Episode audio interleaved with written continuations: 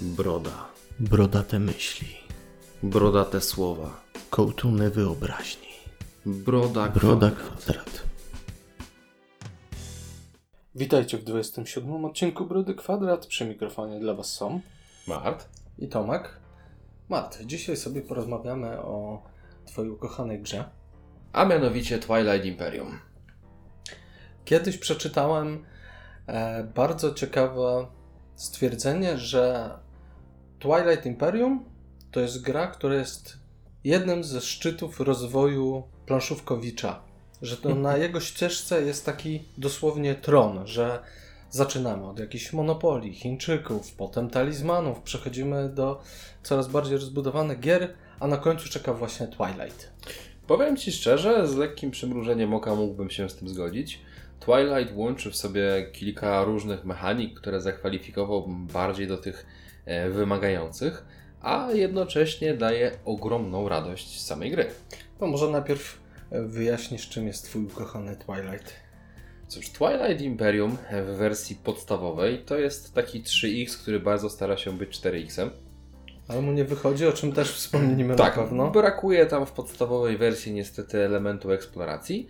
Natomiast y, tak naprawdę opis tej gry na pudełku po raz pierwszy oddaje w dość dobry sposób to, czego możemy spodziewać się przy stole, czyli epickiej gry o sojuszach, polityce i bitwach. No ciężko się, ciężko się nie zgodzić. Jest to e, gra, dla której zarezerwować bezpiecznie jest około 12 godzin. O matko, to jest moloch do grania. E, Jak Mart mówił, że no wiecie, tak z tłumaczeniem za pierwszym razem, no musimy myśleć, że to tak za 8-10 godzin.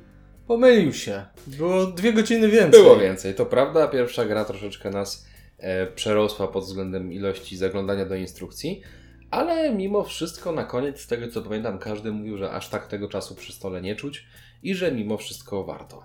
A że narodziła się trada- tradycja grania w Twilighta raz na miesiąc, raz na dwa miesiące, w zależności od dyspozycji czasowych, no to chyba świadczy o tym, że jednak każdy do tej gry chętnie wraca. Tak, choć wygospodarowanie tego czasu nie jest łatwe. No i powiedzmy sobie szczerze, nie, nie umówimy się tutaj na szybką rozgrywkę po pracy, tylko dosłownie musimy cały dzień poświęcić na granie. Rozkładanie też nie należy do najszybszych.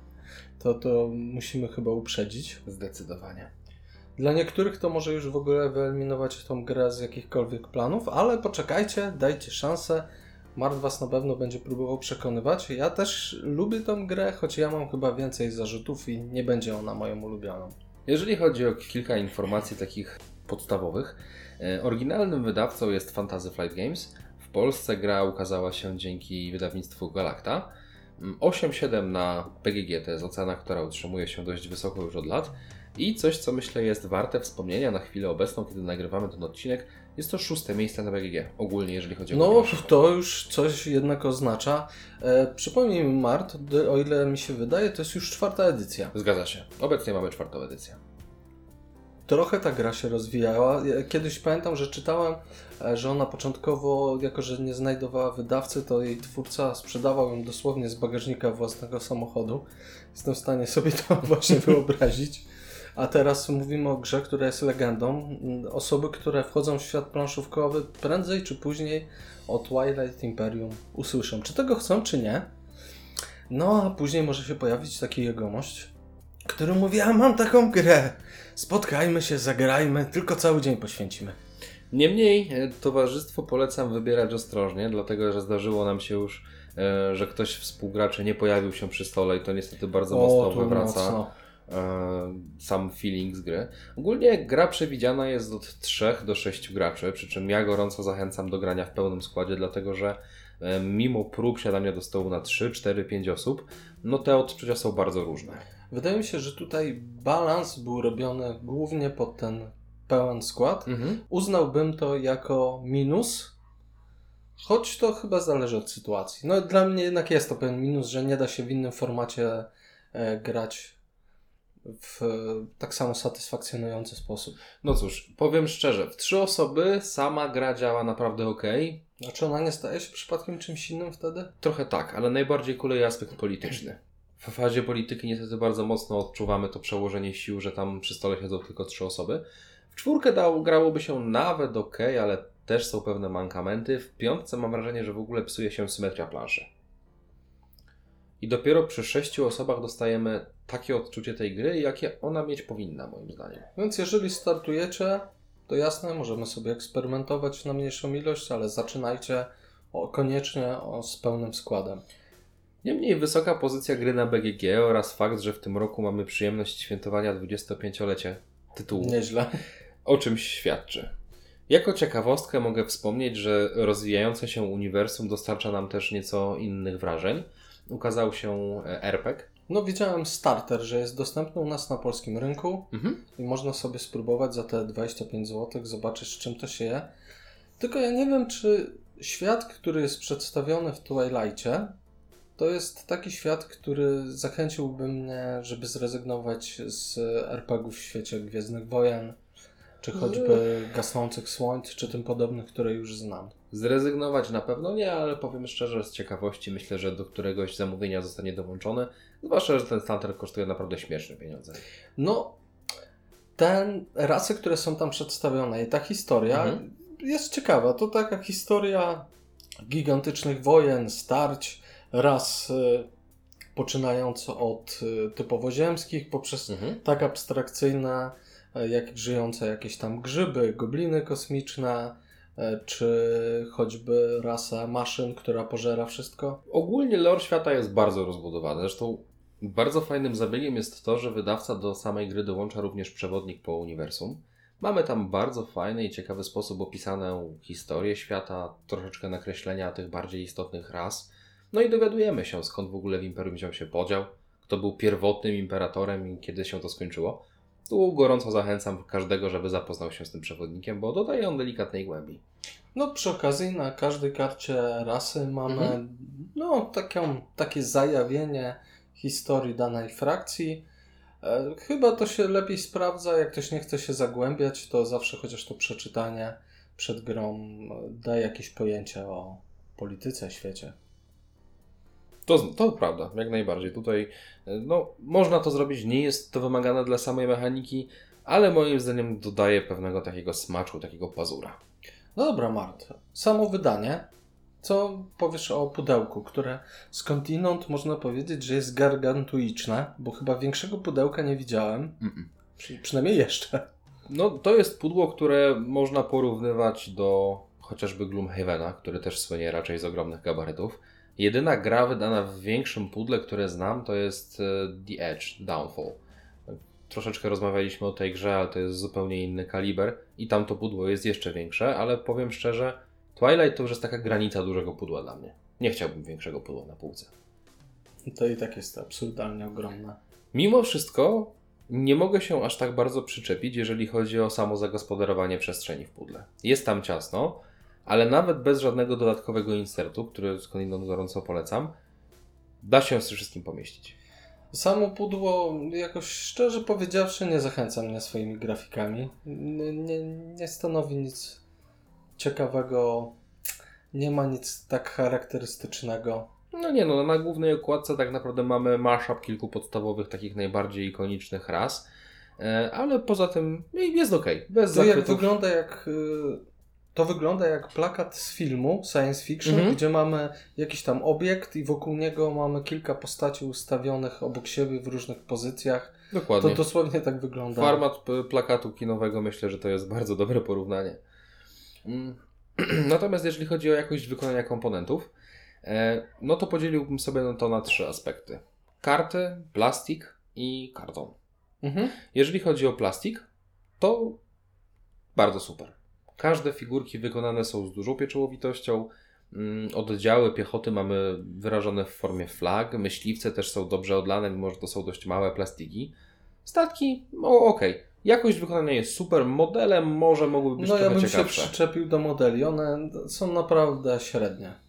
Jakościowo jest ok, Mhm. ale mam też problem z tym, że one się potrafią wywracać, że nie mają podstawek. To jest trochę dziwne dla mnie i rzadko spotykane. Znaczy, pamiętaj, że niektóre statki, które posiadają umiejętność wytrzymałość, to znaczy, że odwracając na drugą stronę. Podstawka mogłaby to lekko zaburzać. No serio, można by było to jakkolwiek inaczej oznaczać. No, gdzieś jakiś zgrzyt u mnie wywołują, ale to nie Mhm. jest tak, że negatywne odczucia. Przy tej ilości plastiku, który tam jest, rozumiem, że to tak wygląda. Zrobienie tego lepiej zwiększałoby jeszcze bardziej koszt samego pudła, a ten jest niemały. Ile ta podstawka kosztuje obecnie? Podstawkę od 550 do 600 można w tym momencie kupić. Dodatek oscyluje w okolicy 400. No tak, chcemy grę kompletną, to tysiączek jest wasza. Boli po kieszeni, licząc koszulki, ewentualny inter, ta kwota jeszcze trochę rośnie, ale mimo wszystko nie żałuję. To jest jednak taka gra, gdzie jeżeli macie grupę 6 osób, stały skład, warto się złożyć, kupić nawet Mhm. wspólnie, bo i tak ciężko jest, żeby ktokolwiek grał poza większą stałą grupą. No po prostu zorganizować się do tego byłoby ciężko. Nie no, powiem szczerze, jednym z takich elementów, który mi się najbardziej podoba w tym naszym regularnym graniu, to jest to, że mamy właśnie stałą ekipę. E, Dzięki temu każdy ma mniej więcej podobną ilość rozegranych partii, więc nikt nie odstaje pod względem e, doświadczenia w rozgrywce. A tutaj ma mocno. to duże znaczenie, zresztą pewnie sobie o tym jeszcze powiemy. Tak, to jest osobny element, który zdecydowanie trzeba będzie omówić. A jak tam dalej komponenty? Jeżeli chodzi o komponenty w dalszym kroku, no to tak, karty, okej, proste, minimalistyczne, Czytelne. dzięki temu czytelne. Mhm. Dupy nie urywa, ale złego słowa nie mogę powiedzieć. No chyba dla mnie ta czytelność ma największe znaczenie i minimalizm mi nie przeszkadza, wręcz przeciwnie. Mhm. Natomiast na pewno muszę powiedzieć e, kilka negatywnych słów na temat elementów kartonowych. Cała mapa składa się z kafli modularnych, dzięki czemu Takich rozgrywka jest też dokładnie.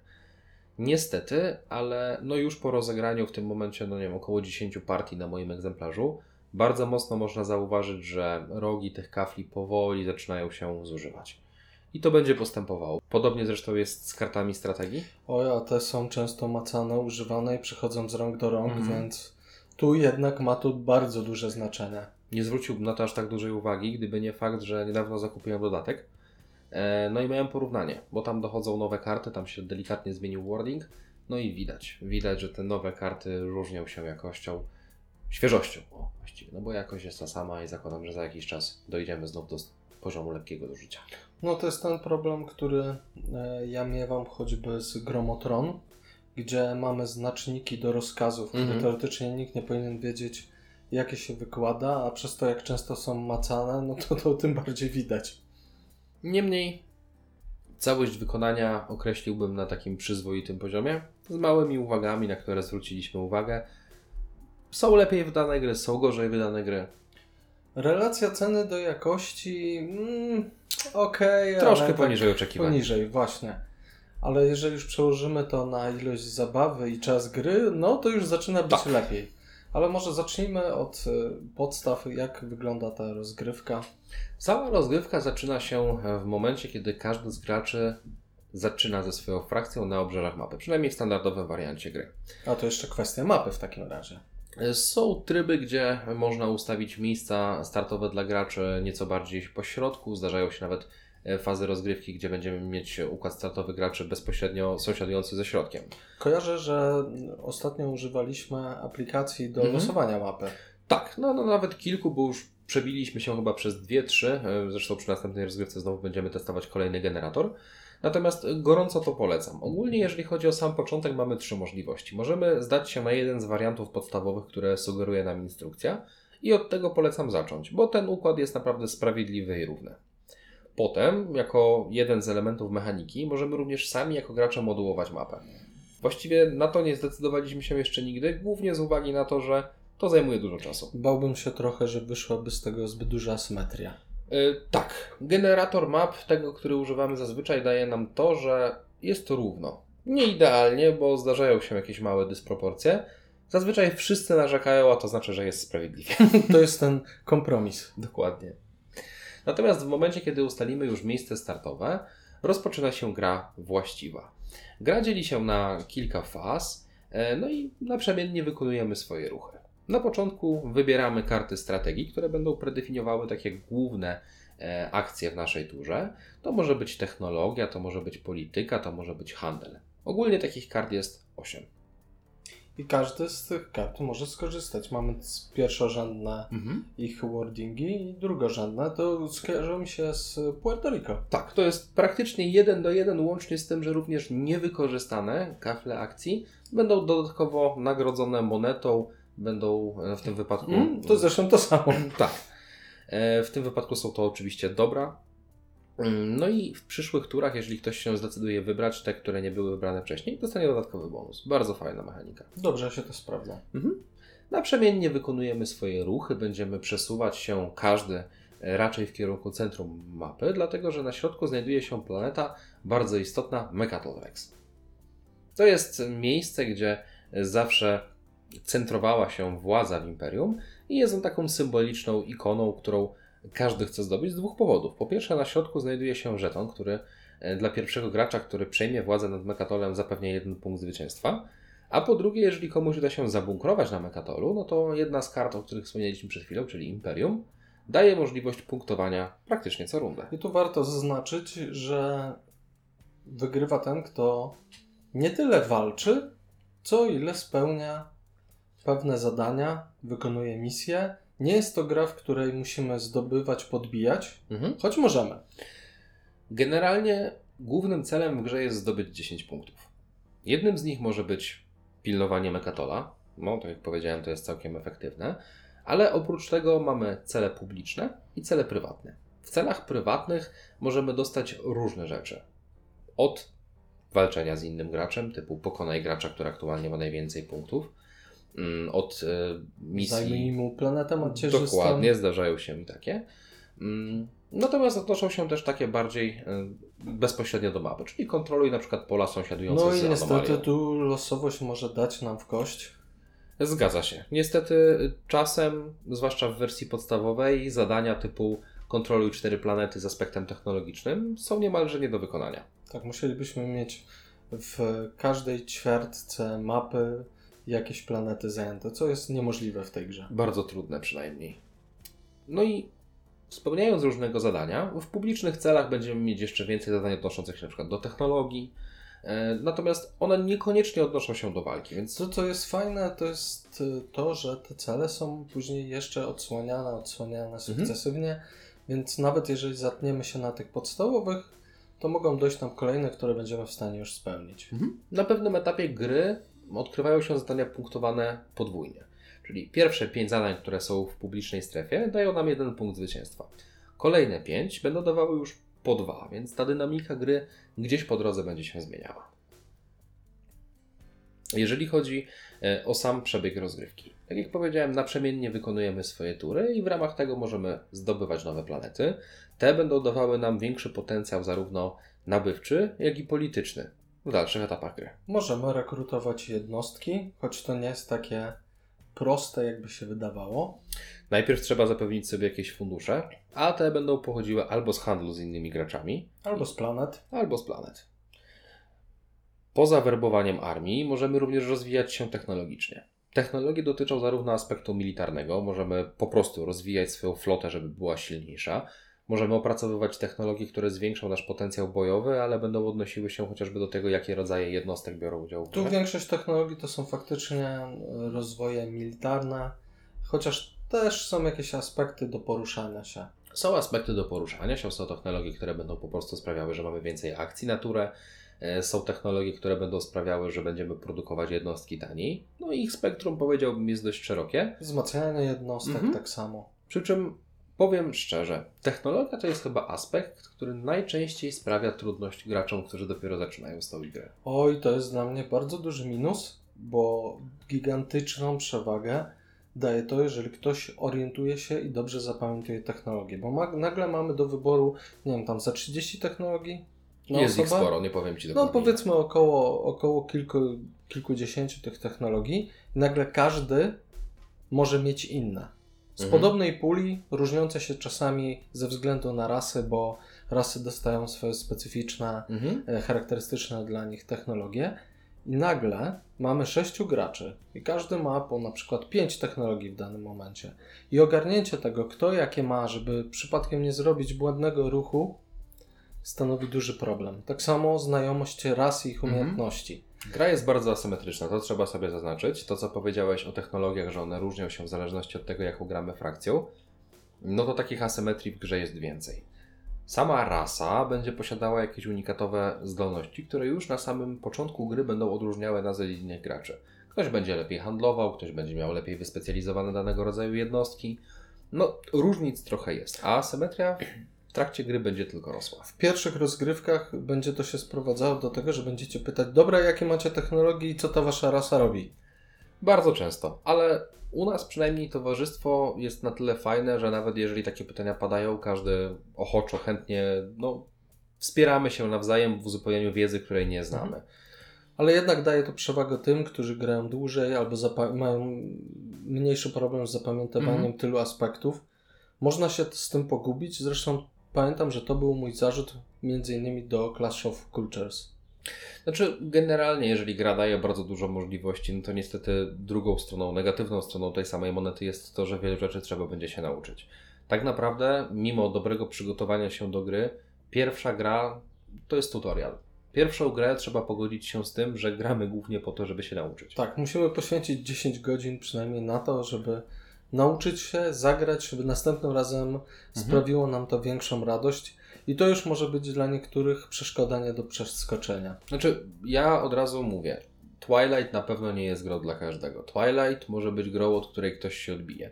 Zdecydowanie nie polecam tej gry komuś, kto no, nie gra w gry planszowe dużo. Jeżeli ktoś się zatrzymał na etapie Splendora, no to niestety nie powinien przysiadać do rozgrywki Twilighta. Przynajmniej póki co nie. Chyba, że lubi wyzwania i nie boi się tego, że gra może przytłoczyć.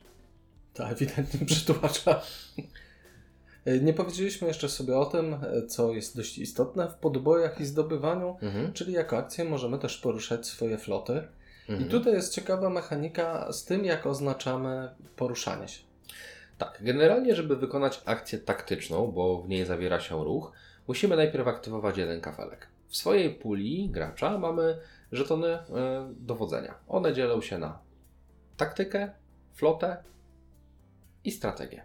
Każdy z nich ma nieco inną funkcję. Jeżeli chcemy wykonać ruch, musimy zdecydować się na akcję taktyczną. W związku z tym aktywujemy dowolny obszar i możemy po kolei wykonać mnóstwo rzeczy, które w tych akcjach taktycznych są zawarte. Po pierwsze jest to ruch, czyli najpierw możemy poruszyć dowolną liczbę statków z dowolnych, nieaktywowanych wcześniej e, obszarów, pod warunkiem, że oczywiście statki, które chcemy poruszyć mają zasięg ruchu. Czyli de facto nie aktywujemy obszar, z którego się ruszamy, Mhm. tylko do którego. I to wywraca często nasze myślenie o rozgrywaniu taktycznym do góry nogami. To jest ciężko się do tego przyzwyczaić na początku. Troszkę tak, ale jak człowiek się już przyzwyczai, to okazuje się, że to naprawdę daje duże, ogromne wręcz Nie, to jest sensowne, możliwości. tylko na początku ciężko się Mhm. przestawić, bo większość gier Tak, raczej tak, operuje, że ruszasz się z pola i to Mhm. pole Mhm. aktywujesz, a nie.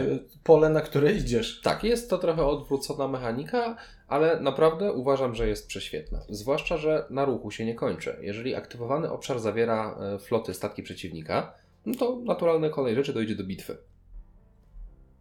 W Twilightie niestety e, w podstawowej wersji gry nie ma czegoś takiego, nawet jeśli zawieramy z kimś sojusz, że my możemy pozwolić mu wlecieć do naszego sektora i po prostu tam koegzystować z naszymi Tego w sumie statkami. brakuje. Trochę tego brakuje. Natomiast, no, wlatując, od razu nawiązuje się bitwa. Jeżeli statka, statku przeciwnika nie ma, no to nasza akcja również się nie kończy, dlatego że możemy chociaż aktywować stocznię kosmiczną, która w tym obszarze się znajduje, jeżeli taka oczywiście jest. Wtedy po ruchu możemy jeszcze wyprodukować jednostki. Także samo spektrum akcji taktycznej jest naprawdę szerokie. Tutaj, skoro mowa już o bitwach, Mhm. to jednak musimy powiedzieć sobie o bardzo ważnym aspekcie, który jest dla mnie największą bolączką. Losowość. O matko, gra z taką losowością to chyba tylko talizman. Znaczy, powiem szczerze, rozumiem ten zarzut, chociaż, no jak już niejednokrotnie mówiłem, ja akurat losowość bardzo lubię. Natomiast tą losowość możemy delikatnie tresować i oswajać. Fakt faktem, każdy statek ma swoją predestynowaną wartość na kości K10, Mhm. która będzie zapewniała nam sukces. No i oczywiście w zależności od technologii, które rozwijamy i niektórych e, statków i ich właściwości, no, będzie No tak, łatwiej albo technologie trudniej trafić. wpływają na Tak. tą losowość, ale wciąż może się zdarzyć, że mały oddział dzięki rzutom pokona Mhm. nawet dużo większy oddział, gdzie nie powinno to mieć w ogóle miejsca. To prawda, w tej grze nigdy nie będziemy mieć stuprocentowej pewności, że wygramy bitwę. Można się przejechać Można. w bardzo dziwny sposób. I zaskakująco często faktycznie ma to miejsce. To nie są takie przypadki odizolowane, które o, raz się zdarzyło. Zdarza, jeżeli to się zdarza raz na grę, to bywa nawet czasami ekscytujące. Ale w Mhm. momencie, kiedy cały czas z tym obcujemy i gdzie wiemy, że za każdym razem walka może się źle skończyć, to wpływa też troszeczkę na myślenie nasze strategiczne. Nagle okazuje się, że tutaj walka nie jest wcale takim najlepszym rozwiązaniem. W niektórych wypadkach wręcz przeciwnie. Nie, ale to też fajnie pokazuje, że jak gdyby to nie jest gra o walce w kosmosie, to nie No jest nie. jej główny trzpień i nad walką naprawdę warto się zastanowić, bo czasem nawet jeżeli wydaje nam się, że mamy przewagę, możemy przegrać. Nawet jeżeli wygramy bitwę, może okazać się, że właśnie zyskaliśmy wroga przy stole, który gdzieś w dalszych etapach... Albo większą ilość wrogów, Albo jeżeli za bardzo wrogów. wygramy. Gry nad stołem przy Twilightie jest mnóstwo. I tu dochodzimy też przy okazji do fazy polityki.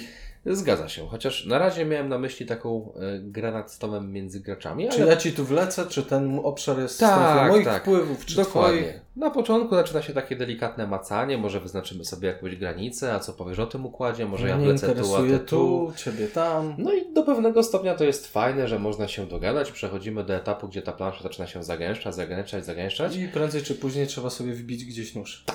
Niestety, ale w tej grze zwycięzca może być tylko jeden i nawet jeżeli z kimś żyjemy w bardzo dobrej komitywie, pomagaliśmy sobie przez całą grę, przekazywaliśmy zasoby, pilnowaliśmy swoich flanek, no to jak już widzimy, że ten sojusznik jest bardzo blisko zwycięstwa na torze punktowym, to bardzo szybko granica sojuszu się zaciera. W ostatnich turach zaczyna się wolna amerykanka, a tu mam taki vibe jak Mhm. z gry o Tron, Tak. z, skądinąd, że sojusze sojuszami, ale pod koniec wszyscy się napieprzamy. Mhm.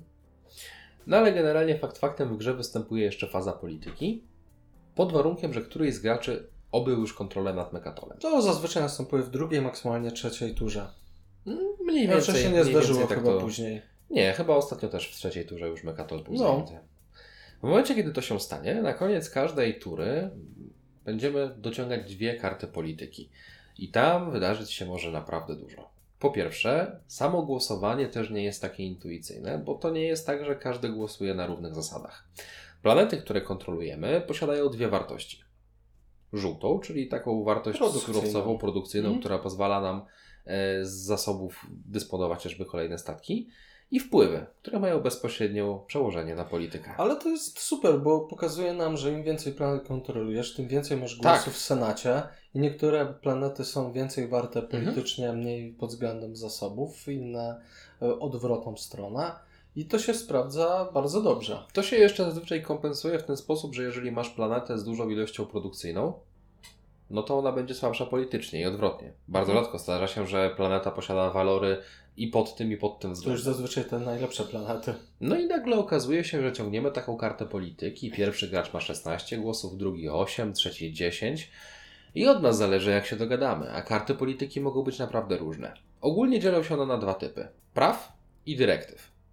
Prawa, jeżeli zostaną przegłosowane, zostają z nami najprawdopodobniej już na resztę gry. Dyrektywy są krótkotrwałe, ale czasem o równie bolesnych i dotkliwych No to skutkach. mogą być takie rzeczy, jak wszyscy usuwają sobie część armii. Od tej pory w grze nie będzie można korzystać z tuneli czasoprzestrzennych, czyli takich no, portali, które znacznie zwiększają potencjał ruchowy po mapie. Nagle mogą zmienić się zasady, na których będziemy rekrutować statki, bo okazuje się, że no, koncert myśliwców został trochę ukrócony i od tej pory przy produkcji myśliwców produkujemy ich tylko połowę tego, co produkowalibyśmy I nie wcześniej. do końca zaczyna nam się opłacać. Dokładnie. No i tutaj frakcje, które skupiają się na myśliwcach, mogą mieć pewien ból. No niestety, gra jest bardzo zależnościowa, natomiast... Tu tu- kolejny ten element losowy jednak. Tak, ale tutaj akurat myślę, że to się świetnie samo temperuje z samą grą nad stołem. Jeżeli ja jestem graczem, któremu zależy na myśliwcach, ty jesteś moim przeciwnikiem, no to moim zadaniem jest przelobbować część graczy, żeby pomogli mi i twoim przeciwnie, żeby wsparli twoje głosowanie. No problem się pojawia z takim syndromem e, prowadzącego rozgrywkę. Jeżeli karta miałaby uderzyć w tego, który prowadzi rozgrywkę, ma najwięcej punktów, to na pewno tak uderzy. się stanie. Tak, tu jeżeli ktoś wychyli się za Mhm. bardzo punktacyjnie, albo zbyt dogodne pozycje obejmie do połowy gry powiedzmy, no to Momentalnie reszta łapie go za stopę. Tak, ma, mieliśmy taką sytuację, w której dziwnym trafem ja miałem na kościach e, dość dobre wyniki. Udało mi się akurat wtedy Ciebie pokonać Mhm. dość militarnie. Wszyscy rzucili się na mnie. W pewnym momencie politycznie No, ty, ty mi odgryzałeś, bo nic więcej nie mogłeś robić i ja tak naprawdę byłem uziemiony do końca gry. Tak. I to jest kolejny gigantyczny minus tej gry. Da się wyeliminować gracza już w pierwszych turach. Cóż, tutaj niestety fakt faktem trzeba mieć świadomość tego, że mimo, że przygotowujemy się na kilkugodzinną rozgrywkę, może się okazać, że nasza zabawa skończy się wcześniej. I to dosłownie nie chodzi nawet o to, że któryś z graczy nas po prostu dojedzie, Mhm. tylko chodzi o to, że zrobimy jakieś jeden, dwa złe ruchy i w skali tej gry już będziemy widzieć, że nie jesteśmy w stanie za wiele osiągnąć. Tu nie ma czegoś takiego, że zawsze możemy gonić peleton. W pewnym momencie możemy odpaść i widzieć, że my tutaj możemy w jakiś sposób wpływać na kształt rozgrywki, ale my nie będziemy odgrywać w niej tej najważniejszej roli, nie mamy co liczyć na wygraną. To już w pewnym momencie widać. Nie do końca bym się z Tobą zgodził, dlatego że widziałem już rozgrywki, gdzie faktycznie osoba, która trzymała się gdzieś tam z tyłu, nagle potrafiła podskoczyć bardzo drastycznie. Zresztą chociażby... Ale nie chodzi mi tylko Mhm. o punktacyjnie, żebyśmy się źle nie zrozumieli. Przykładowo, zaryzykowałem, zaatakowałem, straciłem Mhm. flotę, już nie marna jest szansa, żebym był w stanie nadrobić te straty. Znaczy, co, innego, jeżeli ktoś się. Mhm. co innego, jeżeli ktoś się trzyma z tyłu punktacyjnie i jeszcze nie Mhm. wykonał misji, ale przygotowuje się, żeby nagle wykonać kilka misji z rzędu, no to jasne, to z Mhm. tym się zgodzę, ale jeżeli raz wtopimy większą ilością floty, jej odbudowanie, naprawienie błędów nie będzie możliwe. W zależności od doświadczenia gracza przy stole i frakcji, którą grasz, y, może tak być. Natomiast wierz mi, widziałem już gry, zresztą chociażby ostatnia może być tu świetnym przykładem, gdzie ja z drugim graczem ścieliśmy się w bardzo ostrym konflikcie. W pewnym momencie on miał dosłownie 6 sztuk plastiku na mapie, i to nie mówię o statkach, tylko o wszystkim, i ja bardzo podobnie. Ale rozumiem, że żaden z Was nie wygrał. Y, Nie, ale mi niewiele brakło finalnie. No ale jednak. No, jakby najbardziej, tutaj te suma summarum jednak to było do... duże osłabienie. Chciałem tylko powiedzieć, że akurat trafiły nam się frakcje, które miały ogromny potencjał do odbudowy. I tak naprawdę dwie tury później tego plastiku na planszy było dużo więcej. No ale wracamy do czegoś, co było powiedziane wcześniej. W tej grze bardzo ostrożnie dobierać trzeba konflikty. No i z tego wynika niestety, że może się zdarzyć, że przygotowując się na rozgrywkę całodzienną, nagle w połowie zorientujemy się, Mhm. że będziemy siedzieć kolejne pół dnia, nie mając tej perspektywy większej na wygraną. To może Niestety. deprymować. Może tak być. I może zepsuć rozgrywkę innym, jeżeli do, źle dobieramy gracza. Bo jeżeli jest Mhm. gracz, który będzie miał radość z tego, że z nami gdzieś kooperuje, że komuś wbije szpilę, Mhm. komuś przeszkodzi, to może dalej dobrze się bawić. Ale jeżeli trafimy na kogoś, kto w momencie, kiedy wie, że nie ma szans na wygraną, odpuszcza, Nie, No to nie, tutaj, niestety. tak jak mówiłem, również dobór towarzystwa jest bardzo ważny. Natomiast dużo tych kryteriów, żeby dobrze się e, tu bawić. niestety tak, ale na szczęście takich osób jak ja musi być więcej, skoro gra jest tak dobrze oceniana na BGG. Na szczęście część tych mankamentów poprawia nam dodatek. Okej, ale zanim przejdziemy do dodatku, ja chciałbym jeszcze skupić Mhm. się na plusach i minusach samej podstawki. No to strzelaj. Wspomniałeś o tym, że to jest 3x. Tak. Często mówi się, że to jest 4x, ale nie, Nie bez przyczyny. No właśnie. Nie ma tu czegoś takiego jak eksploracja. Mamy expand, mamy exploit. Mamy Exterminate. O, właśnie. Ale explore niekoniecznie. Nie. Tutaj, tutaj pewnie wyjaśnisz, jak e, zmienia to dodatek. Natomiast w momencie, kiedy gramy samą podstawkę, musimy mieć to pod uwagę, znaczy musimy brać to pod uwagę, że jednak nie poeksplorujemy sobie. Znamy wszystko od razu, prawie od początku. Znaczy no, eksploracja w podstawce ogranicza się po prostu do latania po mapie i zajmowania planszy, ale to nie jest eksploracja, którą chcielibyśmy widzieć w grze. W żadnym razie. Ja bym powiedział, e, że dużym, bardzo dużym minusem tej gry jest downtime. Oj tak. I to jeżeli trwa 20-30 minut, to mówimy o takiej sprawnej turze. Powiem szczerze, ja w tej grze bardzo serdecznie polecam wziąć jakiś totem, jakąś figurkę, cokolwiek, co po pierwsze będzie pilnowało, kto w ogóle ma turę. Dlatego, że ta gra wymaga ogromnej ilości skupienia. Tutaj każdy będzie siedział i będzie mózgowił. Dlatego warto jest pilnować tego, czyja tura jest aktualnie. Ja bardzo chcę wprowadzić również granie z timerem.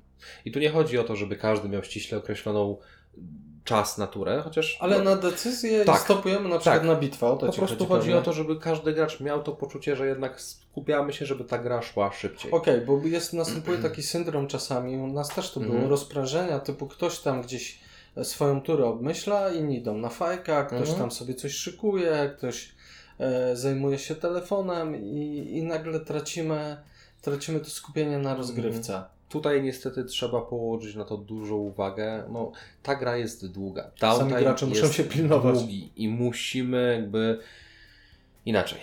Pilnowanie tego czasu i tego, żeby tury przebiegały płynnie, znacznie usprawnia grę. I skraca jej czas, przez co feeling jest dużo lepszy. No ale dla mnie jednak gra, w której minimalny downtime gdzieś oscyluje wokół 20-30 minut, Mhm. a maksymalny około godziny na turę, to jest Tak. jednak, jednak pewien absurd. To jest dużo. I to jest dla mnie coś, co nie jest do przebolenia, jeżeli miałbym grać częściej niż teraz na dwa miesiące. No, ale też nie wydaje mi się, żeby byli fanatycy, którzy w tą grę łupią tak kilka razy w tygodniu. No przypuszczam, że jak, jakby cały czas grupa grała tak non-stop, e, często nie zmieniała się, to w Mhm. pewnym momencie może osiągnąć jakiś taki balans w tym, przyspieszać rozgrywkę. No słuchaj, nasz rekord to było 6 godzin na pełną rozgrywkę w podstawce. To już jest nieźle. I to jest taki uczciwy czas, do którego jeśli udałoby się zbić, to uważam, że byłoby to zdecydowanie poprawiające odczucie z gry, ale tu znów przychodzi nam pomocą dodatek. No dobra, no to dla mnie te, te minusy to głównie właśnie downtime, to, że trzeba jednak grać w pełnym składzie. Mhm. No ta kwestia znajomości technologii i raz y, stanowić może pewną przewagę. Może być to minusem na początku. Tak. E, Festiwal losowości, no to niestety. Tu jest bardzo Zgadzam duży. się. Jak ktoś nie lubi losowości, musi mieć to na uwadze. No i chyba jednak przeważający tam minus dla mnie jest ten, ta kwestia, że można w połowie rozgrywki gdzieś już odpaść z peletonu. To prawda. No ale niestety to też nie jest tak bardzo odizolowane. Są gry, w których z czymś takim się możemy spotkać. Tylko one nie trwają tyle. Zgadza się. Niestety trzeba mieć to na uwadze. Warto o tych minusach wspomnieć. Natomiast plusy, moim Mhm. zdaniem, w pełni to kompensują. Przede wszystkim, naprawdę, nie znam żadnej innej gry, która dawałaby tak epickie wrażenie w grę o podbój o kosmosie. Gry nad stołem jest tam tyle, że no, tak naprawdę to są dwie osobne gry. Gra na planszy i gra nad stołem. Mhm. Nie znam znów żadnej gry, w której tej gry nad stołem byłoby aż tyle. I duży plus dla kogoś, kto nie jest jakimś fanem wielkim bitew, że tutaj bitwy faktycznie są istotne, ale nie na tyle, że stanowią o samym, samej wygranej, Mhm. bądź też nie. Jednak punktowanie celów jest ważniejsze. Tak. Ciężko mi było się przestawić po tym, jak grałem głównie w, z takich dużych gier w grę o Tron, gdzie ten podbój i walka była kluczowa, a tutaj nagle się okazuje, że może jednak więcej stracę na tej bitwie niż zyskam. W ostatniej grze mm, zwycięzcą została moja narzeczona, która nie rozegrała prawie żadnej bitwy. Da się. To też o czymś świadczy. Ale ja też pamiętam takie rozgrywki. No właśnie, także paradoksalnie wcale militaria nie są drogą, gwarantowaną drogą do sukcesu. Natomiast jeżeli chodzi o plusy, mechanika w tej grze wbrew pozorom jest bardzo prosta. Jeżeli ogarniemy podstawy i mamy kto, kogoś, kto będzie pilnował ewentualnych mankamentów, sama mechanika ruchu, sama mechanika rozbudowy naszej floty, czy chociażby rozwijania kolejnych technologii, wyboru kart strategii, bardzo szybko idzie to. Zgodzę się, ale jednak ilość mechanik jest przytłaczająca. Ilość mechanik jest przytłaczająca, ale jak już przebrniemy przez to przyswojenie ich, stają się one intuicyjne i naprawdę wydajne. U mnie jednak jest to na szali równowagi, Okej. jeżeli chodzi o minusy i plusy, ale rozumiem Twoje Mhm. stanowisko. No dla mnie bardzo fajnie sprawdzają się te karty strategii. Super rozwiązanie, Mhm. bardzo fajnie wykorzystane. To, że osoba, która ma kartę strategii dostaje lepszy bonus, a pozostali i tak mogą skorzystać. Świetnie się sprawdza.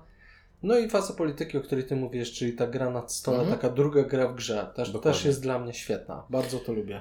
Słuchaj, to myślę, że jest dobry moment, żebym zapytał Ciebie o Twoją ocenę. Podstawki? Mhm. O, szósteczkę dałbym, bo jednak y, ilość mankamentów i problemów Mhm. jest znaczna, ale czerpię z tego dużą przyjemność. Jak ty mnie zapraszasz na spotkanie z Twilightem, to ile zagospodaruję sobie czas, Mhm. to wiem, że dobrze spędzę i bardzo przyjemnie. Dla mnie podstawka to byłoby 9. Wiem, że trochę nad wyrost, ale ja w tej grze jestem No zakochany. wiem, mówiłem zresztą, E, że twoja ukochana gra. Zdaję sobie sprawę, że no może nie aż tak wysoko uczciwie ta gra by zasługiwała. Ale powiedz szczerze, Mhm. te 9 jest dlatego, że doszedł dodatek i on będzie miał dziesiątkę, co? Dodatek będzie miał dziesiątkę. Normalnie jakbyśmy mówili o samej podstawce, to by była od razu dziesiątka. Wiesz co, możliwe, że tak, bo ja w tej grze jestem zakochany od samego początku, natomiast faktycznie dodatek pokazał mi w sposób drastyczny, czego tej grze brakowało. Natomiast ten dodatek to jest najlepszy przykład dla mnie tego, jak dodatek powinien wyglądać. On uzupełnia wszystko, co w tej grze było dziurawe. No dobra, to w takim razie przekonaj mnie, dlaczego mam siąść z wami z dodatkiem. Brakowało nam czwartego Xa. On Brakowało. jest, jest odczuwalny i jest czwartym Xem pełną gębą. No okej, tej to na pory- czym to polega? Już tłumacz. Od tej pory, za każdym razem, kiedy przejmujemy obszar, e, gdzie znajdują się planety i tych planet nie posiadał nikt wcześniej, możemy je za darmo zeksplorować. I tam możemy znaleźć jakieś małe bonusy typu dobranie kart.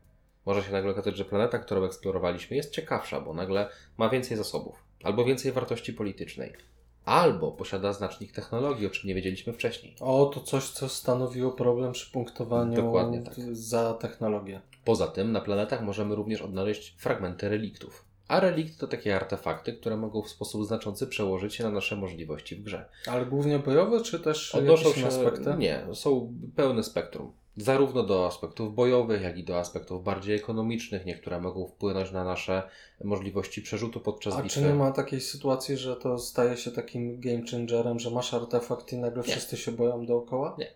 Są artefakty, które znacząco bawią się w taki element straszaka. Dla przykładu, jeden z graczy ostatnio wylosował kartę, która sprawiała, że jeżeli nie osiągnął sukcesu na swoim statku podczas ataku, to mógł przerzucić. No strasznie mocno. I miał plus jeden do rzutu. Ale rozumiem, że tylko w ataku, nie w obronie. Podczas bitwy. Po prostu A, podczas w ogóle. bitwy. Tak. Dobra. Natomiast, jeżeli zdecydujesz się użyć artefaktu i wciąż nie trafisz, twój statek zostaje zniszczony. Glass Cannon. Dokładnie, ale no, artefakty nie pojawiały się też aż tak przytłaczająco. Jasne, komuś zdarzyło się mieć dwa, ale ja na przykład przez całą grę znalazłem tylko jeden fragment bezużytecznego reliktu, który mogłem co najwyżej sprzedać. No dobra, ten X y, faktycznie może zmienić, ten dodatkowy eksploracji. Co jeszcze mamy? Jeżeli chodzi o dodatkowe rzeczy w dodatku, no to przede wszystkim frakcje. O tym nie mogę nie wspomnieć, chociaż one nie wpływają jako tako na grę samą w sobie, ale dają nam też szerszy wybór frakcji, z których To już w ogóle chyba początkowo mamy Z20, a to teraz to już w ogóle. Nie, łącznie z dodatkiem mamy 24. Mhm. I tak jest sporo. Jest bardzo dużo. E, Poza tym dochodzą nam też przywódcy, liderzy, e, którzy sprawiają, że po prostu nasza frakcja asymetrycznie znów ma trochę więcej możliwości. A powiedz mi, czy ci liderzy są przypisani do frakcji? Tak. Każda, każda frakcja ma swoich trzech unikatowych liderów. A czy jeszcze możemy z nich wybierać? Nie, nie, nie. Mamy wszystkich trzech i oni działają. Ja teraz nie przytoczę dokładnie ich prawidłowych nazw, bo, bo tego nie pamiętam. Natomiast mamy pierwszego z nich, który daje nam bonus jednorazowy na turę. Możemy wyczerpać kartę i dla przykładu ja ostatnio grałem mułatami.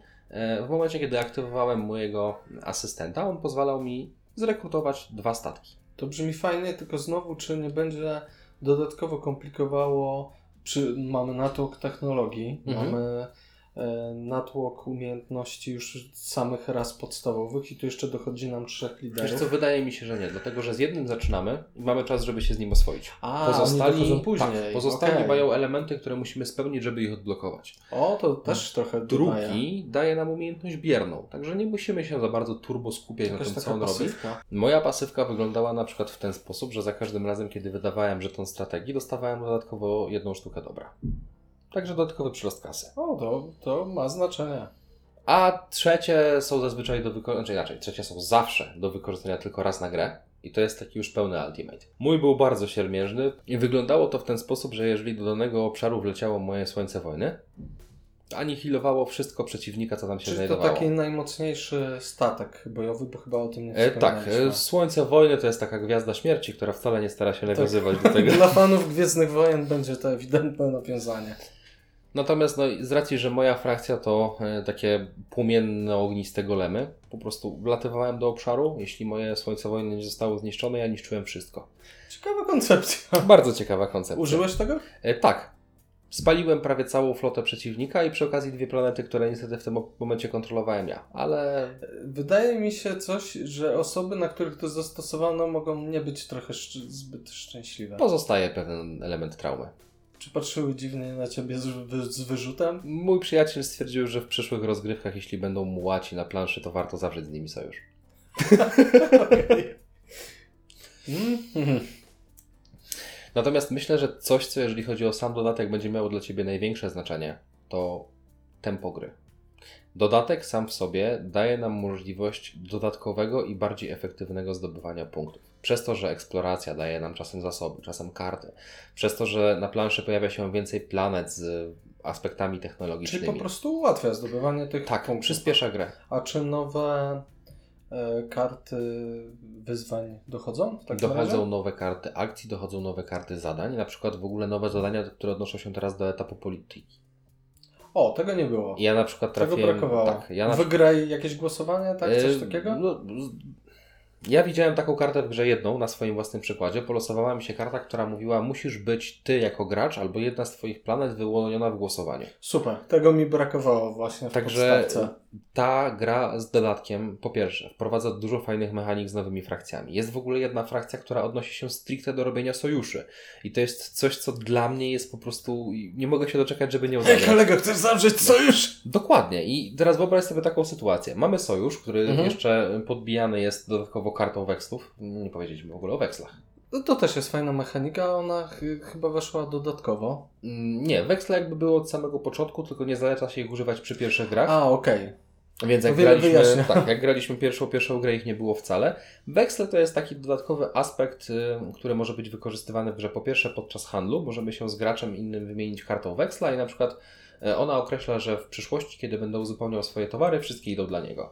Albo rozejm, czyli jeśli ja Cię zaatakuję, Ty zagrywasz rozejm, który dostałeś wcześniej ode mnie, ja się muszę, wycofać. Tak. Mhm. to, to jest bardzo fajne. Jeżeli chcemy coś uzyskać, dajemy coś w zamian.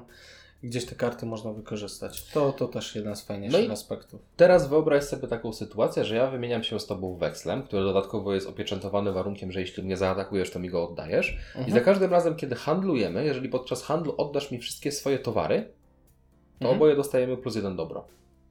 Fajne. Bardzo fajne. I ta frakcja umożliwia również na przykład wlecenie przeciwnikowi na pole z Twoimi statkami. W To ramach... coś, czego brakowało. Dokładnie. Ten dodatek wprowadza mnóstwo rzeczy, których brakowało. To coś czuję, że moja ocena po tym, jak zagramy w dodatek, może się zwiększyć. Bardzo mocno na to liczę. No, ja jestem już ciekaw, już czekam na tą rozgrywkę. Chyba będziemy w lipcu. Tak, no niestety dopiero w lipcu, czerwiec się nie uda, natomiast y, 100% gwarantuję Ci, że to tylko na plus. Okej, czekam. A powiedz mi, czy jakieś e, statki nowe dochodzą? Coś, jakiś plastik? E, Z plastiku dochodzą dodatkowe jednostki naziemne, Mhm. czyli mechy. I mechy to jest taki trochę statek flagowy wśród piechoty. Po pierwsze posiada umiejętność wytrzymałość, czyli może mieć dwa punkty zdrowia zamiast jednego, a dodatkowo każdy z nich posiada jakąś swoją dodatkową umiejętność. W porządku, bo w sumie brakowało różnorodności. Mhm. Jeżeli chodzi o floty, mieliśmy tu kilka Tak, rodzajów statków, a jednak piechota była po prostu piechotą. Czasem się zdarzało, że ktoś mógł przydzielić myśliwce do walki naziemnej, ale te mechy dają dużo. No spodziewałem się, że jakieś czołgi czy coś takiego, jakieś pojazdy opancerzone to by się przydały. Mechy wpisują się w to. może być. Tak, takie czołgi kroczące. Jest w porządku. Gra z dodatkiem jest pełna. Myślę, że póki co na długi czas ma pewne miejsce jako moją ulubioną grą ever. Czyli rozumiem, że to jest to 10 Tak. na 10 u Ciebie. Ale No, ja coś czuję, że moja ocena przynajmniej jedno oczko wzrośnie, ale nie chcę na razie e, tego definitywnie W którymś z przyszłych odcinków na pewno zrobimy krótką wstawkę podsumowującą Twoje wrażenie z dodatku. Myślę, że możemy kiedyś wrócić w ogóle Mhm. do Twilighta, jak już rozegramy trochę więcej bitew, nasza, odp- nasza optyka na tą rozgrywkę może się zmienić. Póki co zachęcamy wszystkich ze wszystkimi tymi zastrzeżeniami, czyli pamiętajcie, gramy w sześcioosobowym składzie. Pamiętajcie, musimy sobie wyodrębnić przynajmniej na początek te 8-10 godzin i Mhm. mieć świadomość, że wszyscy siedzimy, skupiamy się, nie chodzimy sobie na pogaduchy, fajki, no chyba, że robimy sobie przerwę, wiadomo. Trzeba się liczyć z tym, że ktoś może odpaść w trakcie gry. To, że losowość może być tu pewną dominantą. Mimo wszystko Mając na uwadze wszystkie mankamenty, ja wciąż gorąco polecam tą grę. Ja, mimo że dałem szóstkę, to wciąż też polecam. To jest według mnie dalej pozytywna ocena, bo widzę, że patrzysz na mnie, jakbyś chciał mnie zjeść. Spokojnie, słuchaj, nie musimy podzielać tego samego uwielbienia co do każdej To jest gry. pozytywna, Mart, pamiętaj. Nie, no ja rozumiem, no słuchaj, No. pamiętaj moje odmęty grozy, tak? Nie, nie, nie, to, to, tu się nie zgodzę, bo tam było odmęty grozy 4 na 10 to kiedy gramy. No ale też A chciałem potem dalej. jednak 6 na 10. Perspektywa. Okej, ale zgadzamy się co do tego, że to jest gra, którą gracze zaawansowani powinni spróbować. Zdecydowanie tak. Twilight na pewno jest grą wartą uwagi. Wysoka ocena nie wzięła się znikąd i mimo naszych uwag naprawdę gorąco ją polecamy. Dziękujemy za wysłuchanie tego wyjątkowo kosmicznego odcinka. Trzymajcie się, do usłyszenia. Cześć, cześć.